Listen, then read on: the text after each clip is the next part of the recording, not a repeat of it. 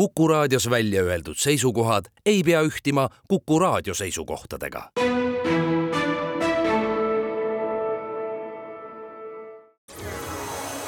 loodusajakiri, vaata ka looduseajakiri.ee. tere kõigile teile, head Kuku raadio kuulajad tänane saade on inspireeritud ajakirja Horisont neljanda numbri, see on augusti-septembri numbri kaaneloost plasmakiirendid kuulutavad uue väikeste osakeste kiirendite ajastu algust. on kuidagi nii välja kujunenud, et Loodusajakirja saates käivad külas inimesed Eesti mõnest teadusülikoolist, aga tänane külaline on kaugemalt. Saksamaalt, Hamburgist, seal asuvast Tesist. tere, Kristjan Põder! tere õhtust! saatejuht on Tiia Rööp. räägime lahti, mis asutus on Tesi, millega seal tegeletakse?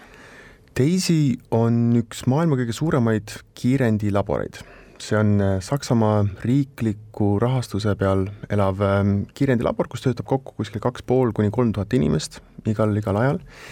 ja Daisy missioon, mis meil kodulehel kirjas on, kui keegi tahab sinna minna vaatama, on aidata inimkonnal dekodeerida mateeriat, mateeria mõtet ja hooldada ja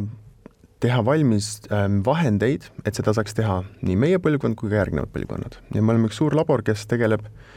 igasuguste avastuste tegemisega, eelkõige röntgenkiiri kasutades tänapäeval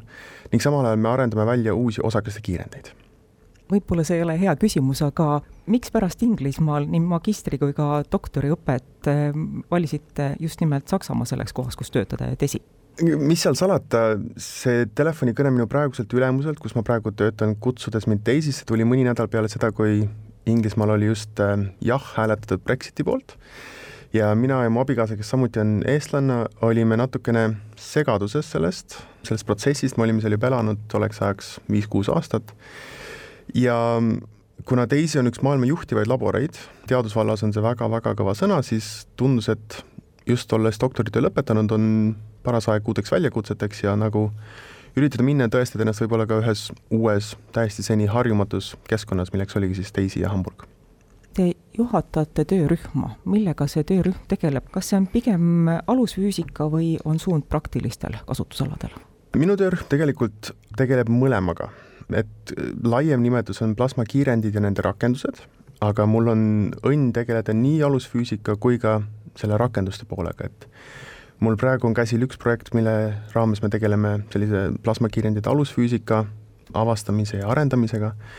ja lisaks sellele kolm erinevat uurimusprojekti, kus me siis teeme koostööd praeguseks juba ühe suure rahvusvahelise firmaga, kes huvitub plasmakiirenditest, lisaks sellele Saksa valitsuse poolt rahastatud läbimurdetehnoloogia arendusprojektidega siis. kas praegusel hetkel on koostööd ka Eesti selle valdkonna inimestega või üldse füüsikutega või on tulemas? see valdkond, millega ma tegelen, on praegu veel võrdlemisi spetsiifiline, et ehkki ma kirjutan, et plasmakiirendid on, on viimase paarikümne aastaga läinud või teinud tohutu arengu, oleme me praeguseks jõudnud sinnamaani, kus kogu maakera peale tegeleb umbes kolm-nelisada inimest selle tehnoloogiaga, selle teadusega, millega mina tegelen. küll aga väga paljud need rakendused, mida me välja üritame töötada, ongi just selles suunas, et võimaldada praeguste suurte röntgenallikate kasutajatel tulla üle siis nii-öelda plasma poolele ja rakendada neid uusi, oluliselt kompaktsemaid kiirendeid, et teha sarnaseid mõõtmisi, mida nemad praegu on harjunud tegema nii et kui me jõuame nii kaugele, siis ma arvan, et kindlasti Eesti, Eesti teadlastega on koostöövõimalusi palju, ma olen mõnedega juba põgusalt sel teemal rääkinud, et ähm, kui ma, kui ma saan oma vahendid nii kaugele, et inimesed saavad mulle külla tulla, siis ma kutsun kirjutama meeleldi. Ja lisaks teadusmõõtmistele, kus veel väga huvitav rakendus, mille, mille kallal töötab tegelikult ka Eesti üks, üks viimase aja edukamaid idufirmasid, G-Scan nimelt, ja see on müüontehnoloogia müünid on sellised algosakesed, mis on hästi-hästi kasulikud väga suurte, raskete, tihedate asjade läbivalgustamiseks ja G-Scani tehnoloogia on tegelikult miski, mis on võimaldanud võrdlemisi suure läbimurde selles valdkonnas,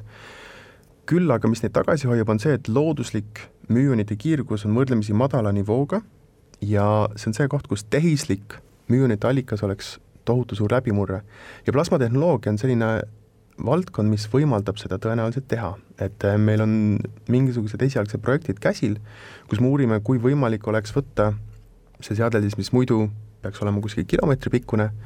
teha sellest mõnekümne sentimeetri pikkune allikas, kasutades plasmatehnoloogiat ja selle läbi siis tekitada külluslikul hulgal müoneid, millega saab läbi valgustada erinevaid asju, infrastruktuuriobjekte ja nii edasi. CERN-i suur hadronite põrguti on jutumärkides meediastaar olnud juba viisteist aastat ja see nii-öelda meediastaar põrguti on oma olemuselt raadiosageduskiirendi. Teie uurite plasmakiirendit, mis on uuem tehnoloogia. kui me nüüd võrdleme plasmakiirendeid ja raadiosageduskiirendeid, mis on plasmakiirendite eelised? plasmakiirendite kõige suurem eelis, miks ähm,, miks nagu isegi praegune kiirendite seltskond hakkab ka sellest järjest rohkem huvitama, on just nende kompaktsus. on see, et me saame teha neid oluliselt, oluliselt väiksemaks. ja seda eelkõige sellepärast, et kiirendusväli, ehk siis see on, see on selline suurus, mis määrab, kui pika vahemaa peavad osakesed läbima, et jõuda mingi kindla energiani, plasmakiirendite puhul on kiirendusväli tuhandeid kuni kümneid tuhandeid kordi kõrgem, kui see on võimalik raadiosagenduskiirenditega. ühesõnaga, masin mis raadiosagedustehnoloogia puhul peaks olema kuskil kilomeetri pikkune, on meie tehnoloogiaga võimalik teha ainult kuskil sentimeetri kuni kümne sentimeetri pikkuseks. kui tundlik see tehnoloogia on? selle küsimuse mõte on see, et kui tahetakse seda tehnoloogiat kasutusele võtta, kas on selliseid punkte, mida peaks veel arendama ja läbi mõtlema, kuidas neid teostada nii, et see seade oleks ütleme nii-öelda lihtsalt kasutatav ja töökindel jaa, absoluutselt, praegu ähm, see tehnoloogia, millega me tegeleme, me oleme ikkagi veel sellises faasis, kus me tegeleme eelkõige eksperimentidega, ühesõnaga me teeme katseid, me mõõdame erinevaid parameetreid nende plasmakiirendite juures. Ja kahjuks tänasel päeval on veel niimoodi, et selleks, et plasmakiirendi töötaks, peab kohal olema vähemalt üks-kaks inimest, kellel on aastatepikkune kogemus, kes teab siis, milliseid nuppe vajutada, kes vaatab erinevaid neid mõõteseadmeid, mis hindavad, kuidas plasmakiirendi töötab ja siis niimoodi sisetunde järgi nii-öelda oskavad vajutada õigeid kohti või natukene muuta mingisuguseid sisendparameetreid. küll aga on meie valdkond jõudnud nii kaugele, et esimesed rakendused, millega ka minu töögrupp tegeleb, esimesed rakendused hakkavad juba silmapiirile jõudma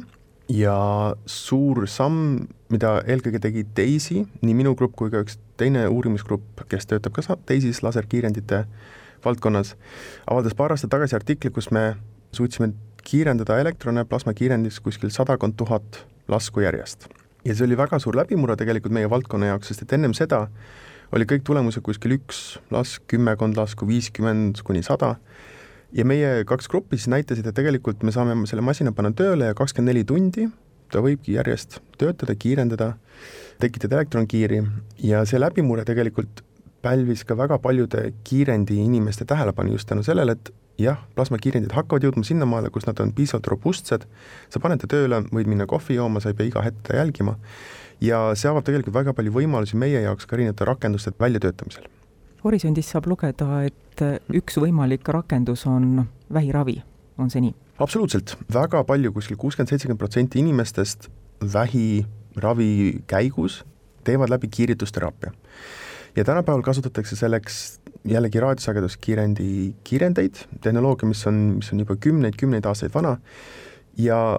ehkki enamus kiiritusteraapia protseduure tehakse gammakiirgusega, ehk siis väga kõrge energia footonitega,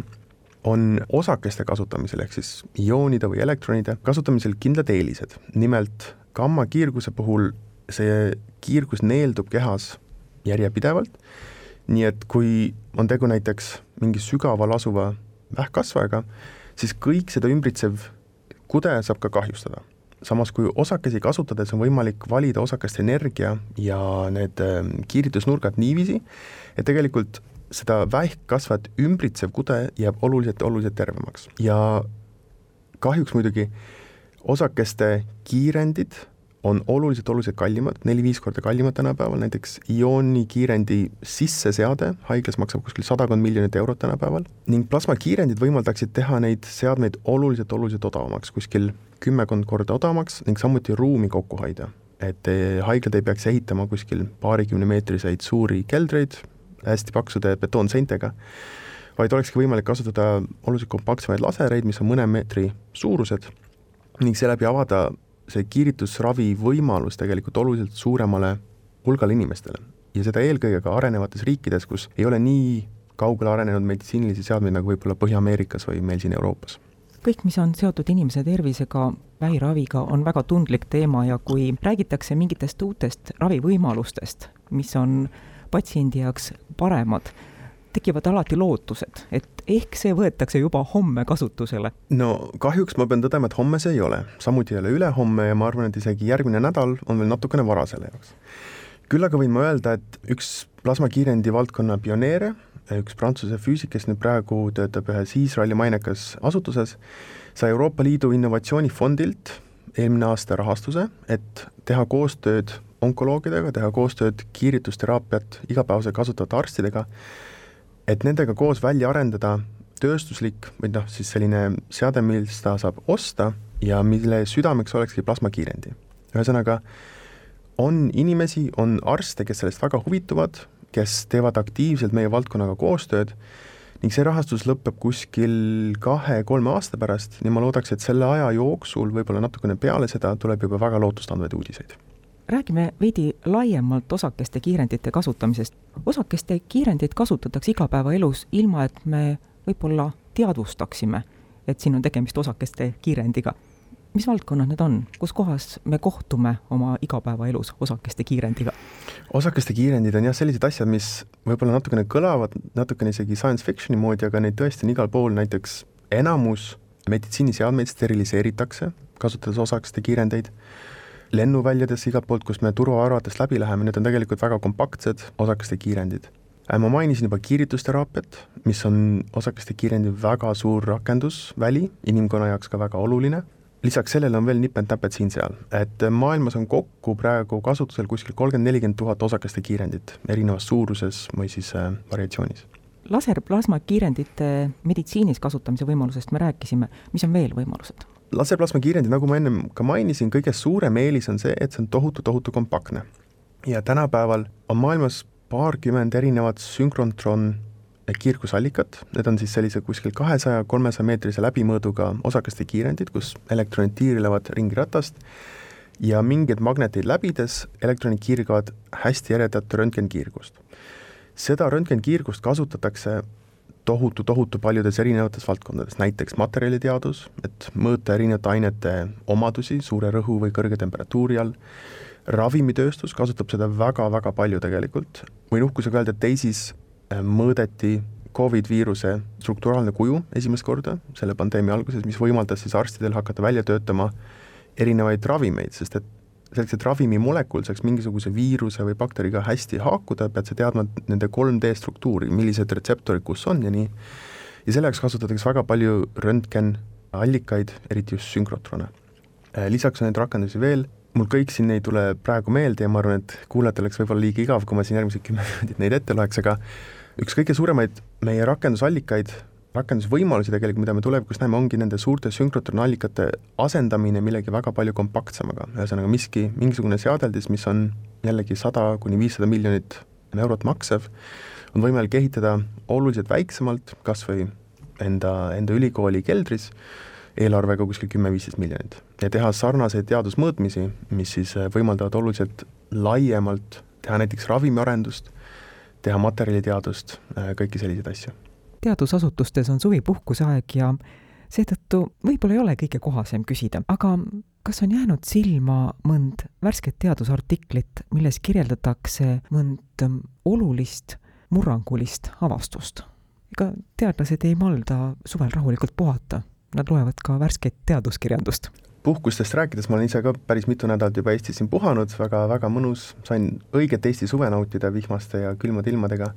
küll aga jäi mul silma paar nädalat tagasi suisa uudis ühelt Korea grupilt,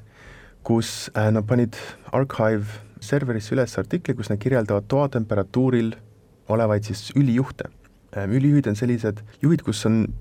põhimõtteliselt nullilähedane takistus, mis tähendab seda, et elektrivoolu saab seal üle kanda ilma soojuskadudeta mis on tegelikult teaduse